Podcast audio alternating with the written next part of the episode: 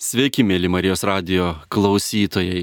Džiugu būti su jumis. Šiandien tęsėme Klaivo Steipulso Liuiso knygų serijai Narnijos kronikos skirtų laidų ciklą. Šiandien su nuostabia savo pašnekove aptarsiu Aušros užkariautojo kelionę. Tai yra viena iš serijos knygų diskutuojama, kurioje vietoje ji turėtų būti, bet tikrai nebejotinai ši knyga tęsia istoriją, kuri pradėta bent jau dviejose knygose. Tai ragana liūtas ir drabužių spinta ir princas Kaspijanas.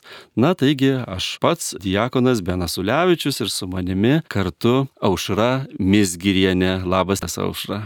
Labas, Benai ir mėly Marijos radio klausytojai. Aušra yra teologė, teologijos dėstytoja, katechetė ir taip pat krikščioniškos fantastinės literatūros didelė draugė. Taip. Noriu sakyti, mėgėja. mylėtoja, mėgėja, tai sako, mylėtoja, mėgėja tai nelabai ką iš, išmano, žinai, tokie mėgėja, ai mėgėja, sako, bet tu nesi mėgėja, tu tikrai mylėtoja. Labai gražiai čia padaryta tokį išaiškinimą žodžių. Tikrai mylėtojas ir mėgėjas skiriasi. Na ir šią knygą galim pradėti turbūt ar ne nuo pirmųjų eilučių, kurias dabar ir perskaitysiu. Gyveno kartą toksai berniukas vardu Eustacijus Clarensas ir pavardė Ražas ir beveik pelnytai. Eustacijui Clarensui patiko gyvūnai, ypač visokiausi vabalai, o dar jeigu jie negyvi ir adatėlė prismėgti prie kartono lakšto. Knygas jis mėgo tik tokias, iš kurių galėdavai pasisemti techninių žinių, su grūdų elevatorių paveikslė ir taip toliau ir panašiai. Mes čia supažindinami pačioje pradžioje su visiškai nauju veikėju.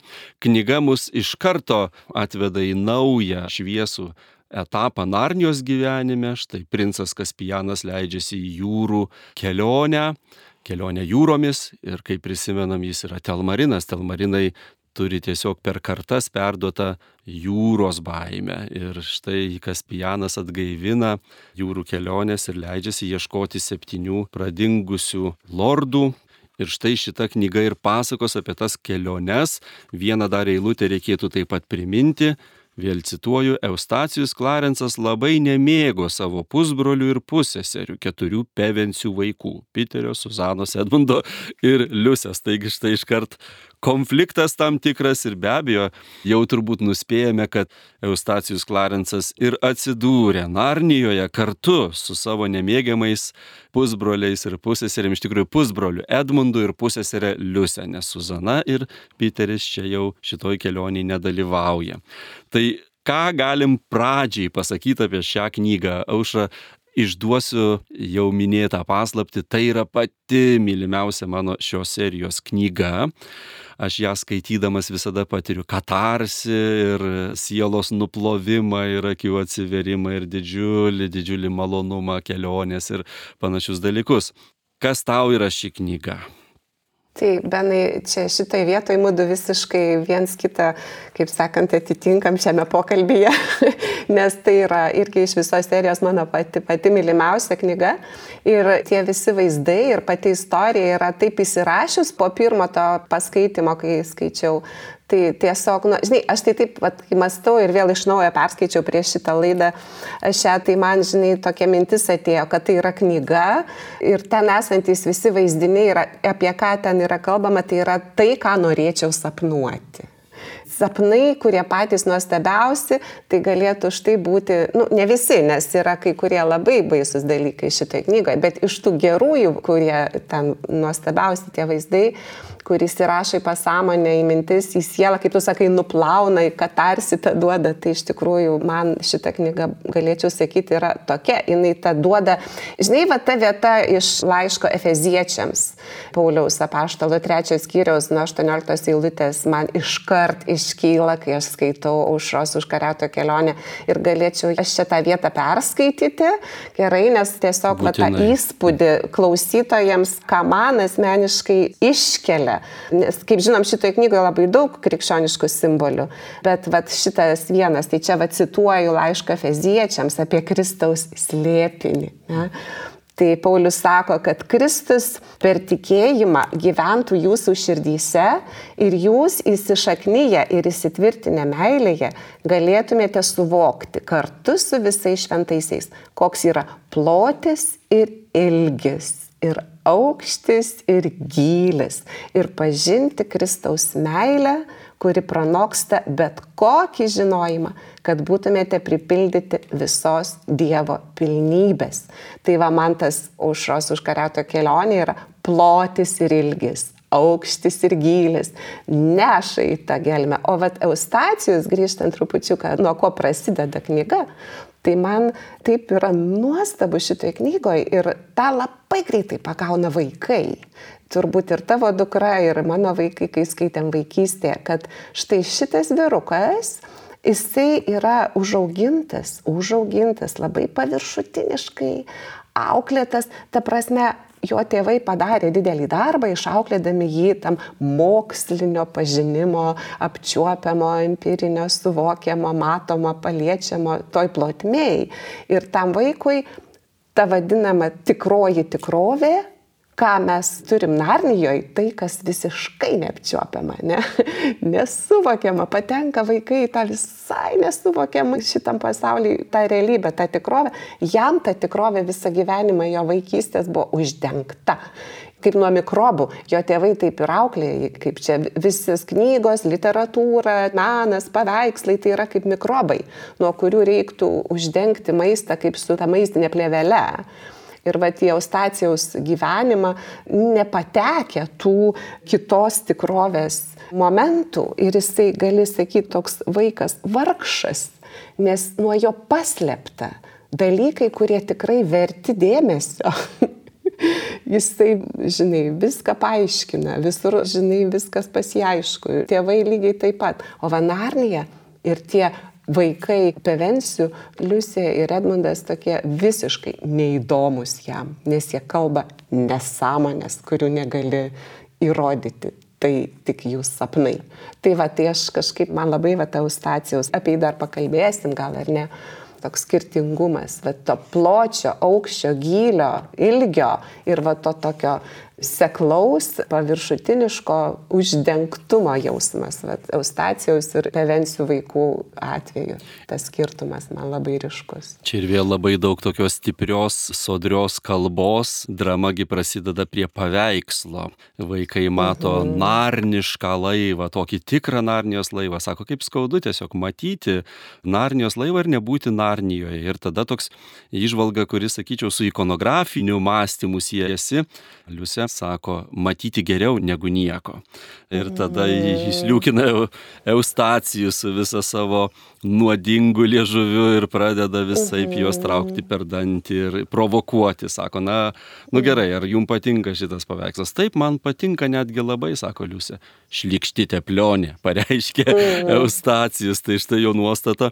Ir tikrai jis viską išmano, bet Narnijoje yra visiškai bejėgis tam tikroje gyvenimo plotmėjais, net sugeba virsti į drakoną ir nesuvokti, kad jis drakonas, nes nežino, kas drakonas iš vis yra. Tai ši knyga turbūt man labiausiai imponavo todėl, kad va tas kelionės proceso, progreso, transformacijos jausmas nu labiausiai išryškėja Eustacijos mm. asmeniškai persikeitimas ir kalbėsim dar apie tai, bet ir apskritai nuotikio požiūriu. Liujisas čia padaro, man atrodo, tokį judesi, kurio dar nebuvo pirmosiose knygose. Pirmosios knygos vyko Narnijoje tiesiog. Mhm. Ir tokioj gana vientisoj toj Narnijos erdvėjai. Ir čia staiga mes turime kiekviename skyriuje po naują knygą galėtume parašyti, nes mm, Taip. vis nauja sala, vis naujas iššūkis ir vis nauja atomasga. Ir tų mhm. skyrių yra penkiolika ir visur vis iš naujo tiesiog neįsiemiamas vaizdinių lobynas, naujų nuotikių, nutikimų ir išbandymų ir galima išvelgti ir Liuiso gebėjimą ne vien tik tais nuotikį pasakot, bet įvest mus į mistinės kelionės pajautą, nes katalikų bažnyčios mokime apie maldągi kalbame apie tą judėjimą iš asketinės maldos, kur tu dirbi, tu dedi pastangas į mistinę maldą, kur jau dvasia dirba, Dievas daro, o tu Mhm, grožiesi nuščiuvęs, žodžiu, ir visas paniręs tame Dieve. Ir tikrai pirmos dalys knygos, pirmi skyriai, ten daug ir audra, ir ta jūrų gyvatė, ir tokie nesusikalbėjimai visokie, tikrai iššūkiai, iššūkiai. Ir paskui yra tam tikra riba, kurią peržengus jau su tavim viskas aplink dirba, sakykime, saulėtekis, vanduo, kuris pilnas to šviesos gyvybės. Na, tai tas jausmas, kad tu tiesiog pabaigoje šios knygos esi pats kitoks nei pradžioje. Ir tai, kas ten aprašyta pabaigoje, tos savitos būsenos stovi, tas džiaugsmas, apie kurį nesinori pliaukšti jau tiesiog, tas gyvybės perviršis, kurį ištvert sunku netgi šitiek tos gyvybės ir šviesos, tikrai padedi į šalį pabaigę skaityti ir galvoju, aš truputėlį atkeliavęs į Aslano namus labiau nei prieš tai buvau. Taip, taip, taip, ten ta vieta, vat, kur tu ir paminėjai, kaip rašo Liujisas, kad ten tai būti intensyvu ir gera, kad jau atrodo nebeištversi, bet vis tiek dar nori, kad tęstusi. Tai man priminė, va dabar iš karto aš turėjau tokį vieną profesorių Amerikoje, Stibenviliai, toks buvo daktaras teologijos Rydžis Martin, tai po jo paskaitų va, panašus jausmas būdavo, kad norėdavosi, jau tu nebegali ištverti iki galo toj paskaitoj taip intensyvu, bet nori likti, bet nenori, kad baigtųsi, tai po paskaitos bėgdavau į švenčiausio sakramento adoracijos koplyčią. Nu tiesiog, nu nebegali to, ką ten gauni, tai va tas Liujisas šitą knygą skaitant, toks jausmas panašus. To tokio, kaip tu ir sakėjai, maldos, tikrai tokios kontempliacijos momentas, nu čia nesinori biški perdėtai kalbėti, bet tikrai šitą užos užkariauto kelionės, ypatingai antra dalis, ta mistinės patirtis tikrai gali sakyti.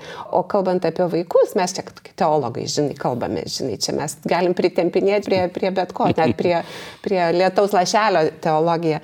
Lyja klaipėdai šiandien. Čia. Aš iš klaipėdos, benes iš Kauno, tai čia aš galvoju, mes taip simboliškai kalbam apie tolį, tolius, ar ne, ilgį ir plotį. Tai netgi, vat, Marijos radijo visose technologijose galim pabandyti irgi, nes įsijungti šitas dėl. Iš tikrųjų, tema, neminėjau, neminėjau, kad mes esame visai kitose galuose Lietuvos. Taip. Tai čia tikrai aš esu pranciškonų studijoje, brolių pranciškonų klaipėdoje turi studiją. Bet ką aš norėjau pasakyti, kad vaikams, vaikams, vat, kai skaitom šitą knygą, tai visą laiką man toks momentas, tokia patirtis buvo kai skaitai vieną skyrių perskaitai, vaikai labai greit supranta, o čia čiuk yra kelionė, kelionė, va, kaip sakė, ne. Ir jinai tokia į nežinomybę. Aušros iškeliautojas iškeliauja į nežinomybę, jie nežino, kur jie plaukia, jie tikrai nežino, kur tie lordai, kokios ten salos jų laukia. Jie niekad nėra buvę tenai. Ir kai mes skaitom tą knygą vaikam, va tarsi toks po kiekvieno skyriaus Ar plaukiam toliau? Klausimas. Ar plaukiam, ar norit, ar nebaisu? Plaukiam, būtinai plaukiam, bet juk plaukiam ne į nežinomybę. Ir vaikam klausimas, nu bet kaip visa tai baigsis? Ne? Tas troškimas sužinoti, kur tas gilis, plotis, ilgis ir tas pojūtis, tolumo, tai man labai susivedė skaitant kad vis tik tai Liujisas čia šitoj kelioniai atskleidė tokį labai esminį Dievo begalinės prigimties buvimą. Ar ne, va, tai yra tikrovė. Dievas yra begalinis. Ir žmogus yra pašauktas tos begalybės nesustojant siekti, ne, jos, jos ieškoti. Ir visą laiką per knygą eina klausimas, ar yra Narnijos kraštas koks jis bus. Ir atsimeni tą vietą, kaip ripičipas peliukas, kuris labiausiai už viską trokšta ten nukeliauti. Ir jie diskutuoja su vaikais ir su Kaspijanu, kaip ten bus. Ar mes nukrisim, ar nuplauksim žemyn nuo to Narnijos krašto kaip kokiu kriokliu.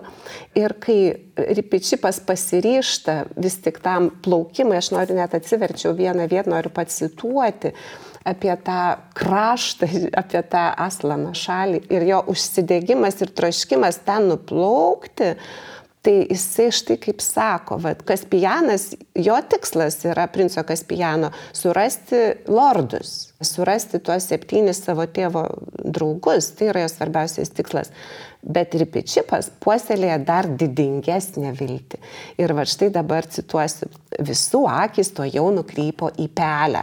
Na, dar skaitytam reikia priminti, kad tas Ripičipas tai yra riteris, jis yra be galo drasus peliukas, visai na, netitinka jo išorės, jo vidus. Ne? Ir štai ką sako Ripičipas. Viltis didi kaip mano siela, pasakė Ripičipas. Nors galbūt ir tokia pat menka kaip mano ūgis. Kodėl mums nepasiekus paties rytinio pasaulio krašto, kažin ką ten aptiktume, Štai aš manau, kad ten mes galbūt rastume gimtają paties Aslano šalį. Juk didysis liūtas visuomet atkeliauja pas mus iš rytų, iš anapus jūrų. Ir tada Liusė klausė, bet negi tu manai, kad Aslano gimtoji šalis yra iš tokių, na tokia, į kurią iš vis įmanoma nuplaukti. Ir Ripiči pasako, nežinau, bet man nuo lopščio buvo pasakyta štai šita pranašystė. Ne? Ten, kur sueina vanduo ir dangus, ten, kur bangos skonis saldus, ten ripičipai tu neabejoki, surasi viską, tik tenai ieškoki. Tenai, tenai yra ryčiausiai rytai. Tai va tas tarsi žmogaus sielos išreikštas pašaukimas siekti tos pranašystės, kurią mes gaunam su savo gimimu, su savo krikštu, net amžinai gyvenimo, pločio, gilio, ilgio. Nuostabu, man tas vat, labai čia susita oh, kelionės to momentu į tą tolį ir į tą nežinomybę. Ir Pičipas neleidžia užsimiršti, ar ne, kad ne vien septyni lordai, ne vien e, kitos reikimės pakeliui, bet jis toks yra tiesiog e, nuolat, nuolat atsigręžęs į tos rytus ir visada kelionė, na, daug apie laivągi šitoj knygoje pasakojama. Beje, prisimenu, kad vaikystėje mane labai žavėjo knygos apie laivus, buvo tokia sovietiniais laikais knyga Laivai ir jūrininkai, tokia lyg ir enciklopedinio pobūdžio, daug nupiešta laivų, tai aš pieždavau juos ir įsivaizduodavau, kaip ten keliauja ir tikrai šioje knygoje viskas ir audros paragauja ir ką reiškia stiebą nulaužta remontuoti ir, ir kur, kodėl virtuvė kambuzas yra prieki laivo negale ir tos kajutės langai užsemti per pusę to vandeniu nepaprastai gerai aprašyta ir Pečipas daug laiko praleidžia priekyje, kur drakono tai skopta galva, žvelgdamas į tuos rytus ir tikrai yra tokio sielos ilgesio įkūnytojas šitoj knygoj be kompromisinio atsigrėžimo į tai, kas svarbiausia, į ryčiausiuosius ja. rytus Aslano šalį. Erdvės tos, ne? Taip, erdvės. Kas stabdo eustacijus, kas stabdo tas eustacijos buvimas, tai yra toks blokas, pastovus mhm. stabdis. Tai kas jam Nėra ten nutinka, ten. kaip ten su tais persikeitimais ir, ir daug minčių, kurios mums iškart aiškios mūsų tikėjimo. Aš gal tokį galėčiau, jo, man čia žinai taip kaip vat, apie erdvę ir tolį, ir, ir ilgį, ir plotį, vat, dabar kalbėjom apie tą kelionės į nežinomybę, tą Dievo begalybę ir sielos mūsų tą polėkį. Tai man, man bus įdomu išgirsti tave kaip tu, bet vat, man tai Eustacijaus situacija duoda, va irgi jeigu remiantis į laišką feziečiams, tą gylio sampratą, kuri prasme, jau kalbėjome, ne jis toks paviršutiniškas, jam uždengta yra ta tikroji tikrovė, tie tikrai dėmesio verti dalykai ir jisai iš ties nežino nieko apie drakonus ir jų egzistavimą. Ne? O drakono simbolis tai yra labai gilus simbolis, ne? nors gali atrodyti gana paviršutiniškai mums knygoje skaitant, jis pavirsta drakonu. Ne? Jisai paima tą vienoje saloje auksinę apyrankę, užsideda savo, aišku, užsinori to turtų, čia irgi ta legenda, ne? kad žmogus, kuris pasiema drakono turtus, pats pavirsta drakonu. Ir filmukas dar toks būdavo, ne sovietmečio, ne? Mhm. Drakonas mirė, šlovė drakonui, ne? naujas atsirado. Mhm. Bet jisai, jis nežino apie drakonus, jam tai yra apie jų egzistavimą. O drakonas, nu taip mes žinom, tai yra blogio simbolis. Blogio simbolis. Ir Eustacijus, nieko nežinodamas apie blogio egzistavimą, Jisai ne, jis yra Eustacijus Kleransas ražas, žinai. Ražas yra šluota, mes suprantame, ne čia simbolinė irgi ta jo pavardė, o Clarence, jau angliškai Liujiso duota, tai kas? Claire, tai nuvalyti, nuplauti, viskas švaru, tai jis, toks, jis yra toks, kaip čia pasakyti, labai gerai dezinfekuota asmenybė šių laikų. Taip labai gerai indoktrinuota, progresyvaus mąstymo, ne, viskas paaiškinama, viskas švaru, viskas informuota. Bet vat, drakonai ir blogis, kaip toks. Nu, jis, jis nėra. Čia nėra blogio ir gėrio skirtumo tarsi nėra. Ir liktyčia jis yra to blogio pagaunamas. Ja. Ir jisai pavirsta drakonu. Ir man va tas gylis, va čia ta žmogaus sielos gylis, pavirtimas drakonu jam sukelia iš tikrųjų, kai jisai tą suvokia, iš pradžių jis net nesupranta, kad jisai, kaip tu ir sakei prieš tai, tas gėrio ir blogio nesuvokimas, to skirtumo jį, jį ir padarė bjauriu tuo, vat, koks jis yra ir parodomas knygoje. Tarsi viduje jis jau buvo drakonas. ir dabar jo virtimas drakonu tai jo tikro charakterio atsiskleidimas. Tik laimė, kad tai jam taip pat yra ir šansas ne, atpažinti tą blogio tikrovę ir atpažinti, kaip jinai į jį įslinko, išliaužė. Ir Aslanas yra vienintelis, kuris gali nuplėšti šituos blogio sluoksnius nuo Eustacijos, kai jis rauda verkia ir jis susitinka ir su laivo įgula, ir, ir Liusė taip gražiai jį kuodžia, ne, ir, ir ypatingai ir Pičipas su juo kartu būdi, jo toj kančioj, nes Aslanas yra vienintelis, kuris mato jo širdį. Jis mato, kad Eustacijus jau gailisi, jau atgailauja ir jis stengiasi padėti draugam, ten gaudo karves ir visokius gyvūnus, kad galėtų pamaitinti savo draugus. Ir išrauna ten didelę pušį, kad galėtų stiebą naują laivui pagaminti. Tai kas atsitinka, kai Aslanas nuplėšė jo tas žvynus tris kartus, tarsi nuskaistina jį, atstato jo nekaltumą atstato tą berniuką, kokiu jis gimė, tą vat, tyrą sielą. Tai man šitą gylio momentas Eustacijos situacija man labiausiai atsiskleidžia. O kaip tau, Ben?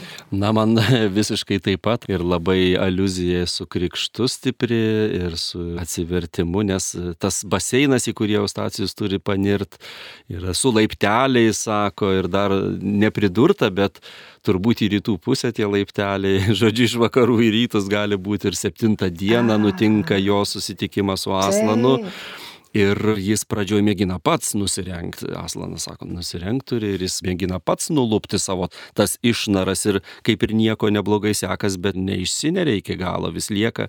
Ir tada sako, e, Aslanas turėsiu aš tave nurengti. Ir tada jau tie, kaip sakyt, kai Dievas mūsų nuodėmę lupa iš mūsų, tai tie nagai giliai rėžia iki pačirdies gelmių ir skauda, bet ir malonu kartu ir staiga persikeitęs visiškai kitas žmogus prieš mus, tas Eustacijus. Nors, sako, aišku, kai kuriom dienomis kartais virsdavo vėl į tokį patį beveik bjaurų, kai nuotaika subjurdavo, bet bendrai tai buvo jau visiškai į kitą pasaulį perkeltas žmogus, galima sakyti, atgimęs. Taip ir aš dar atsimenu momentą, kai kažkurio momentu toliau kelionė, jau kai jis atvirtėsi berniuką ir tapęs tikrai jau kitų drąsių tokių ir nuoširdžių, tai kai kurie būdavo momentai, kai kažkurioje vienoje saloje jie visi svarstė, gal čia drakono darbas, kažkas ten tokio buvo keisto įvykę, gal čia drakono darbas, o Eustacijus sako, ne, ne, ne, aš tai jau žinau, kaip drakonas turėtų elgtis. Čia tikrai ne drakonas įgyjo gėrio ir blogio skirimą, ne, gali sakyti, dvasių skirimą įgyjo, patyręs tą, tai man labai Eustacijos situacijas labai labai įdomi. Na, bet mm. tada kalbam apie tą blogį ir matom iš tikrųjų, Liujisas meistriškai visada ir, ir erdvės trilogija, ar ne kosminėje, ir čia čia parodo blogio galybę ir paslaptingumą tam tikrą, o eustacijų išmušė visiškai iš vėžių ir tikrai sugražino į realybę, į tikrovę tas betarpiškas patyrimas blogio, kuris nevaldomas ir tu nieko su juo pats negali padaryti, kai staiga pamatai, kad jis tavyje belieka pas aslaną bėgti ir tada tamsos mhm. sala. Tamsos sala, kur jie įnyra į tą kaip sako, ontologinę tamsą. Na, čia atrodo, ta tamsa užgožia viską ir tu atsiduri mhm. tokioj klaikioj, baisioj vietoj kur pildosi tavo vidus, galima sakyti. Sako, išsipildo visi dalykai čia šitoj saloj. Ir dar vienas kitas sako, valio, tai čia tada mano. Ne, ne, čia pildosi sapnai. Ir tada visi supranta, ką reiškia, kai mano tie košmarai, kurie sapnuose tai būna sutirštėję, kažkokie klaikus, šiurpus, niuansai, nubudus atrodo, jie nieko net nereiškia, bet sapno metu O jeigu galimybė yra, kad tu galėtum įstrikti tuose košmaruose amžinai. Ir didžiosiuose skirybose Giliuisas irgi rodo dangų kaip tikrovę, o pragaras yra, kad sutirštėjo mano vidinė tamsa tiek, kad tai ir pakeitė tikrovės pasaulį ir aš esu amžiams įstrigęs į tą scenarijų, kurį kažkaip nepavyko į jį atkreipti dėmesio, laiku sustabdyti ir tas mano vidinis košmaras virto pagaliau visa tikrovė, užgožė viską, užgožė saulę ir taip toliau. Ir toj tamsos saloj toks įspūdis to pragaro labai Ir labai šaltis, rimtas. ir šaltis, ne, ten dar ir šalta, ne, kad jie toj drebėti visi pradėjo, taip. Ir baigėsi viskas tuo, kad jie staiga vėl saulėje, tas albatrosas juos išveda, pasigirsta aslano balsas liusiai, stiprybė, širdelė brangi. Mm, Ir, kaip gražu. ir toj saulėje tos tamsos nėra. Iš tikrųjų, Taip. tas Dievas, ta tikrovė, dangus kaip tikrovė parodo, kad tikrasis pragaras yra, kai mūsų iliuzijos keičia Dievo tikrovę ir visą tikrovę. Nelaisvė mano asmeninėse tamsos kertėse kažkokiose ir labai kažkaip įspūdinga man buvo ta trumpa tokia, trumpas tas vizitas į tą tamsos salą, kur trumputis, bet tu atsimeni, kaip ten buvo, kad jie iš pradžių sakė, ne, ne, grįžtam, viskas, grėžiam laivą. Ir kas išlindo? Rypičipas. Jūs ką? Pradėję kelionę, dabar dėsyti krūmus? Ne, sako, šitaip negalima. Tai mane tas labai įkvepia, kad tarsi tu irgi gyveni savo gyvenimo tikrovę, žiūrėk, kad tu, kaip sakant, stok veidą į savo gyvenimo tikrovę, atpažink, kur yra čia tos tavo iliuzijos ir fantazijos, kur tavo vaizduotė veikia, o kur tikroji tikrovė, ar ne, kur, kaip vienas šiekunikas labai gerai Glaipėdoj turi tokią frazę, tavo vaizduotės marazmai, o kur yra tikra tavo gyvenimo tikrovė. Stok į akivaizdą savo tikrosios gyvenimo tikrovės, kaip tu čia ir dabar gyveni, o ne ką tu prisisvaigsti, ne, ar gerų ar blogų dalykų. Tai va tas ripičipo stojam, einam, plaukiam, žiūrim. Ir iš tiesų, kaip gerai, kai jie ten įplaukė, nes jie ten rado tą savo vieną iš lordų, kuris jau išprotėjęs nuo tos vaizduotės marazmo. Ir jį išgelbsti ir išveda į šviesą. Ir ta drąsa vis tik tai gyventi išbandymus. Vat ir, ir dabar gavienė ir viešpats sako, imk savo kryžę. Tu eik su savo gyvenimo tikrove, ta kasdieninė, tais išbandymais, aukok. Vat štai Jėzus ant kryžiaus, žinai, tamsoj begaliniai, bet iš to šviesa. Jo, ta tamsos sala toks šiurpus dalykas, bet labai stiprus. Gerai, kad trumpai. baisu būti savo Jo. proto nelaisvėje, galima sakyti, Taip. ir kaip baisu būtų ten patekti į tą tamsos salą, jei nebūtų to albatroso ir to aslano. Ir nuostabas, kad tas albatrosas žinai, kaip Dievo žodis, jis įsiveržia, įskrenda taip ščiu. Ir ta šviesa nušvinta, šviesa nušvito tamsybėse. Tikrai, tikrai stipru. Mm -hmm. Norėčiau tokį vieną bendrą, žiūrėti žvilgsnių, kad apibendrinantį keletą dalykų, tai va ta labai galinga etinė, etinis, moralinis momentas, gundimo momentas, man labai stiprus šitoj knygoje kai per pagrindinius visus veikėjus pereina ta gyvatė, ne, tas drakono slinkimas. Tai ne tik Eustacijus drakono pagautas, jau apie jį aptarėm, bet vat, pas Bukapudus toj saloj Liucija gauna didelį gundimą, kai jinai turi užkeikimą perskaityti ir išlaisvinti tos vargšus kvailiukus. Gal reikia pasakyti kelis tada žodžius, kas Pasakyk, tenai jo, nutinka. Na, visko nepapasakosi, bet labai keista sala, labai keistos nematomos būtybės, kurios sako, mus čia toks burtininkas padarė nematomais ir tu turi atkerėti dabar, kitaip mes jūsų neišleisim. Ir Liusiai sako, tu maža mergaitė, mažai mergaitė ir priklauso tokius dalykus daryti. Ir ji atsiduria prieš tą nuostabę, neįtikėtiną burtų knygą. Ta knyga, ar nežinau, aš ar norėtum tokią knygą pavartyti. Ten įdomu, ten įdomus momentai. Tai dabar jau Pasako. Jau žinai, būdama jau antrojo gyvenimo pusėje, galvoju, gal susilaikyčiau. Maža mergaitė būdama gal ir norėčiau.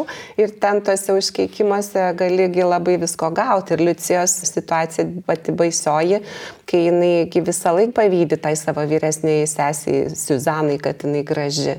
Ir štai čia jinai randa užkeikimą, kuriame gali tapti gražiausia pasaulyje. Ir jinai, va, didžiulis gundimas ant jos toks galingas. Ir ta tarsi net neapykanta savo seseriai iš to kyla, į tą nuodėmę jinai neviniojasi kaip kamuolys.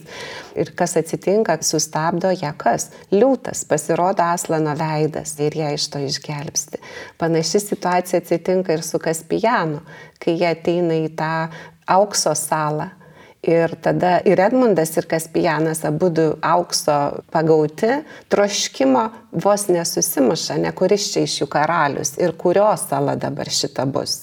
Vėl tas gundimas, tais turtais. Toliau dar yra, kai jie plaukia toliau, princas Kaspijanas nori pasilikti ten, kur ta šviesos karalystė jau, kur jau pabaiga. Jisai nusprendžia, man čia taip gera, aš čia liksiu. Eisiu su tuo ripičipu ir aš į Narniją neplauksiu ir jau sutvarko reikalus su kapitonu laivo, kad tu praneši tam ir tam, tas ir anas bus karalius, o aš lieku čia. Dar vienas gundimas - pasilikti, kur lengva, gera, mėla, malonu ir atsakomybės savo karaliavimo atsisakyti, ne? Arba drąsos išbandymai jūrininkams. Ir visose šitose situacijose pasirodo Aslanas. Ir jisai sustabdo tas gundimus. Jis niek nesako, tik pasirodo. Tai man tokia mintis sugrįžta, kai skaitau, irgi vienos mano, žinai, autoritetai gyvenime įsirašo, tokia profesorė Barbara, mano katechetikos profesorė, jau amžinatelis, galinga moteris, buvus katechetė nuo 16 metų indienų rezervatuose Arizonoje ir jinai visą gyvenimą buvo katechetė. Tai jinai mums, kai dėstė, klausimą tokį kėlė, ką daro Dievas, kai jūsų širdyje gimsta nuodėmė. Ir jūs savo protėje pradedat svarstyti, ką daro Dievas. Nu ir tą atsakymą tokį nuostabų jinai mums iškeldavo, jisai lieja jums savo malonę, kad sustotumėt. Ir ta nuodėmė būtų sustabdyta, ne, jau prasidėjus jūsų širdį nuo pat pradžių. Tai man va, tas įvaizdis liūto Aslano pasirodančio tais gundimo momentais visiems šitiems svarbiausiams geriesiems veikėjams, ne, jo atsiradimas juos visus taip ir sustato į vietas ir jie iš karto keičia kryptį. Bet būna tokie truputį pasimetę. Tai va šitas knygoje kova, dvasinės kovos momentas su aslanu buvimu ir jo pagalba tokia viltį didelė teikia, kad mūsų gundimas, ne, jis yra su mumis, viešpats yra su mumis, neužmiršk. Mhm, ir iš tikrųjų Aslano akivaizdos teikiama branda, gali sakyti, savo mhm. jėgom, gali stengtis ir bręsti, bet susitikimas su Aslanu tiesiog kaip septynmyliais batais mesteli tave pirmin mhm. toj brandoj. Su ta knyga tai tikrai, kai gerai pagalvoji, maža mergaitė atsiduria prieš knygą, kur, aš nežinau kaip tu, aš savo vaikystės svajonės ir kažkokias fantazijas, kai prisimenu, tai yra keli dalykai, kurių norisi labiausiai - būti gražiausiu, stipriausiu, gero ūgio, įspūdingiausiu. Tada, pavyzdžiui, skaityti kitų žmonių mintis. Vaikui duok tas maginės priemonės, tai jis pasidarys taip, kaip jam, žinai, mhm. taip kaip kai kuriuose senovinėse tautose. Tai reiškia pinigai, malonumai, tu permatai, tu galingiausias. Ir ten tokie Liuiso paminėti vaizdiniai, kurie rodo, atrodo ir gražu, ir Liusės pildosi tą svajonę, bet kartu jį mato viziją, kaip jį tą užkeikimą sako, ir jos kraupiai persikreipęs veidas šmėsteli. Mhm. Ir ji pati save mėgina įtikinti, kad čia nieko tokio, pasakysiu tą užkeikimą ir viskas. Tikrai jaučia, kad kažkas čia netvarkoja. Ir jau kai su tuo pirmu užkeikimu neišeina, Aslanas pasirodo ir ją prablaivina, tai jau sekantis užkeikimas, kur gali skaityti kitų žmonių mintis ir sužinot, kad tavo draugės apie tave galvoja. Ja jau atrodo, nu, kadangi atsilaikiau prieš pirmą, tai jau čia kaip tokia kompensacija nieko mhm. tokio vėl. Ir taip mhm. tas psichologinis momentas gerai parodytas. Mhm. Ir paskui Aslanas kada jis susitinka Aslaną, nes jie aišku, nujaučia, kad Aslanui tokie dalykai nepatiktų, kai tu magijos pagalba bandai šitos dalykus pasiekti. Bet kada jį tampa graži, sako, ir kai išvydo Aslaną, puolė jam į glėbę, ji vieną akimirką ir buvo tokia graži. Kitaip tariant, štai kas tą tikrą grožį teikia ir gyvendamas, tu tą palaipsniui gali suprasti, jeigu nelieki tam burtų knygos prisirakinęs grandinę prie tos burtų knygos, gal. Visgi rasiu gyvenime tokią priemonę, kuri magiškai kažkaip padarys mane įtakinga, įspūdinga ir aš perprasiu ir kitus kontroliuosiu ir valdysiu. Ir, mhm. aišku, viskas dėl gėrio, aš geram tą darysiu, bet ar ne? Taip, taip, taip, taip. taip, taip Labai nuostabiai parodyta. Nebežinau, kiek mes čia turim laiko, tarsi norėtųsi į tą pabaigą ten, kur jau, mm. kiek mes čia dar galime. Oi, čia be galo, čia tie, tie žvaigždės pasirodo, bet čia turbūt tikrai jau atskiros laidos tema. Man tik kas įspūdinga, gi tikrai Liujisas čia naudoja tokį labai senovinį ir antikos ir krikščionių požiūrį, kad angelai valdo tautas, angelai valdo tam tikras šalis ir planetas ir čia staiga žvaigždės, tie burtininkai du yra žvaigždės, kuriuom patikėta valdytos. Nu, paikus bukapudus, ten komiška tikrai ir įspūdinga. Čia tik tai suintriguot skaitytoje, kad tikrai daug, daug, daug dar daugiau rasit, negu mes čia spėjam pasakyti, bet gerai, šokam į pabaigą, į atomasgas, į visą tai, ką dar brangiausia turim pasakyti. Man vėl noris remtis į tą laišką Efeziečiams, tai vat, buvo tas plotis, ilgis, tolybės, tos toluma Dievo begalybė, ar ne gylis, tai vat, mūsų sielos gylis, va ir aptariam kaip gėrio blogio ir pagundų nugalėjimo ir Dievo buvimas su mumis tose mūsų varguose ir iliuzijose ir panašiai, bet vat, į aukštį nori eiti man dar. Ir tas aukštis, tai man susiveda su tuo ripičipo peliuko, perplaukus tą visą lelyjų begalinio grožio jūrą, ir jau į tą pasaulio kraštą atsijyrus, tai pasirodo visai nenuplauksi žemyn nuo to krašto kaip kriokliu, o pasirodo ripičipas plaukia didžiulę vandens bangą ar sieną į viršų kilimas aukštyn, jisai tą savo valtelę, ne, toje Narnijos riboje ir mes nežinom, kas ten už tos sienos, bet mes žinom iš kitų knygų, kad ten, man atrodo, ir Mago sunienė, ir paskutinėme mūšyje mhm. yra kalbama, kad Narnija tai yra tik tais atspindys Aslano šalies. Narnija tai yra viena iš daugelio pasaulių. Tai Ripičipas iš tikrųjų pakilo aukštyn į Aslano šalį, bet toje Aslano šaly dar daug, daug laukia tų atradimų. Tai tas aukščio buvimas ir tie angelai, tarkim, tie paukščiai prieš tai buvusio žvaigždžių saloje, nes krenda paukščių gausybė, kurie gėda žmonių balsais. Nesuprantama ne, kalba, tačiau. nu, tarsi. Dangiška kažkokia. Taip tas aukščio pojūtis man irgi mistiškas, toks vos ne kaip kokioje dieviškoje komedijoje, ne toks Dantės kilimas ratais ne, ir, ir ieškojimas to Dievo buvimo. Tai man va, tas momentas labai stiprus. Aišku, pabaigoje mūsų laida irgi jau atėjom prie pabaigos susitikimas su Aslanu, vėl ten, kur susitinka žemė ir dangus. Man įspūdingiausia pabaigoje, nežinau kaip tau, Benai, bet netikėčiausia už viską buvo susitikimas su avinėliu, kuris jiems sako, eikite šiandien papusryčiauti. Pakvietė juos avinėlis meiliu, pienu dvelkiančiu balsu. Ir jie su tuo avinėliu valgo žuvį.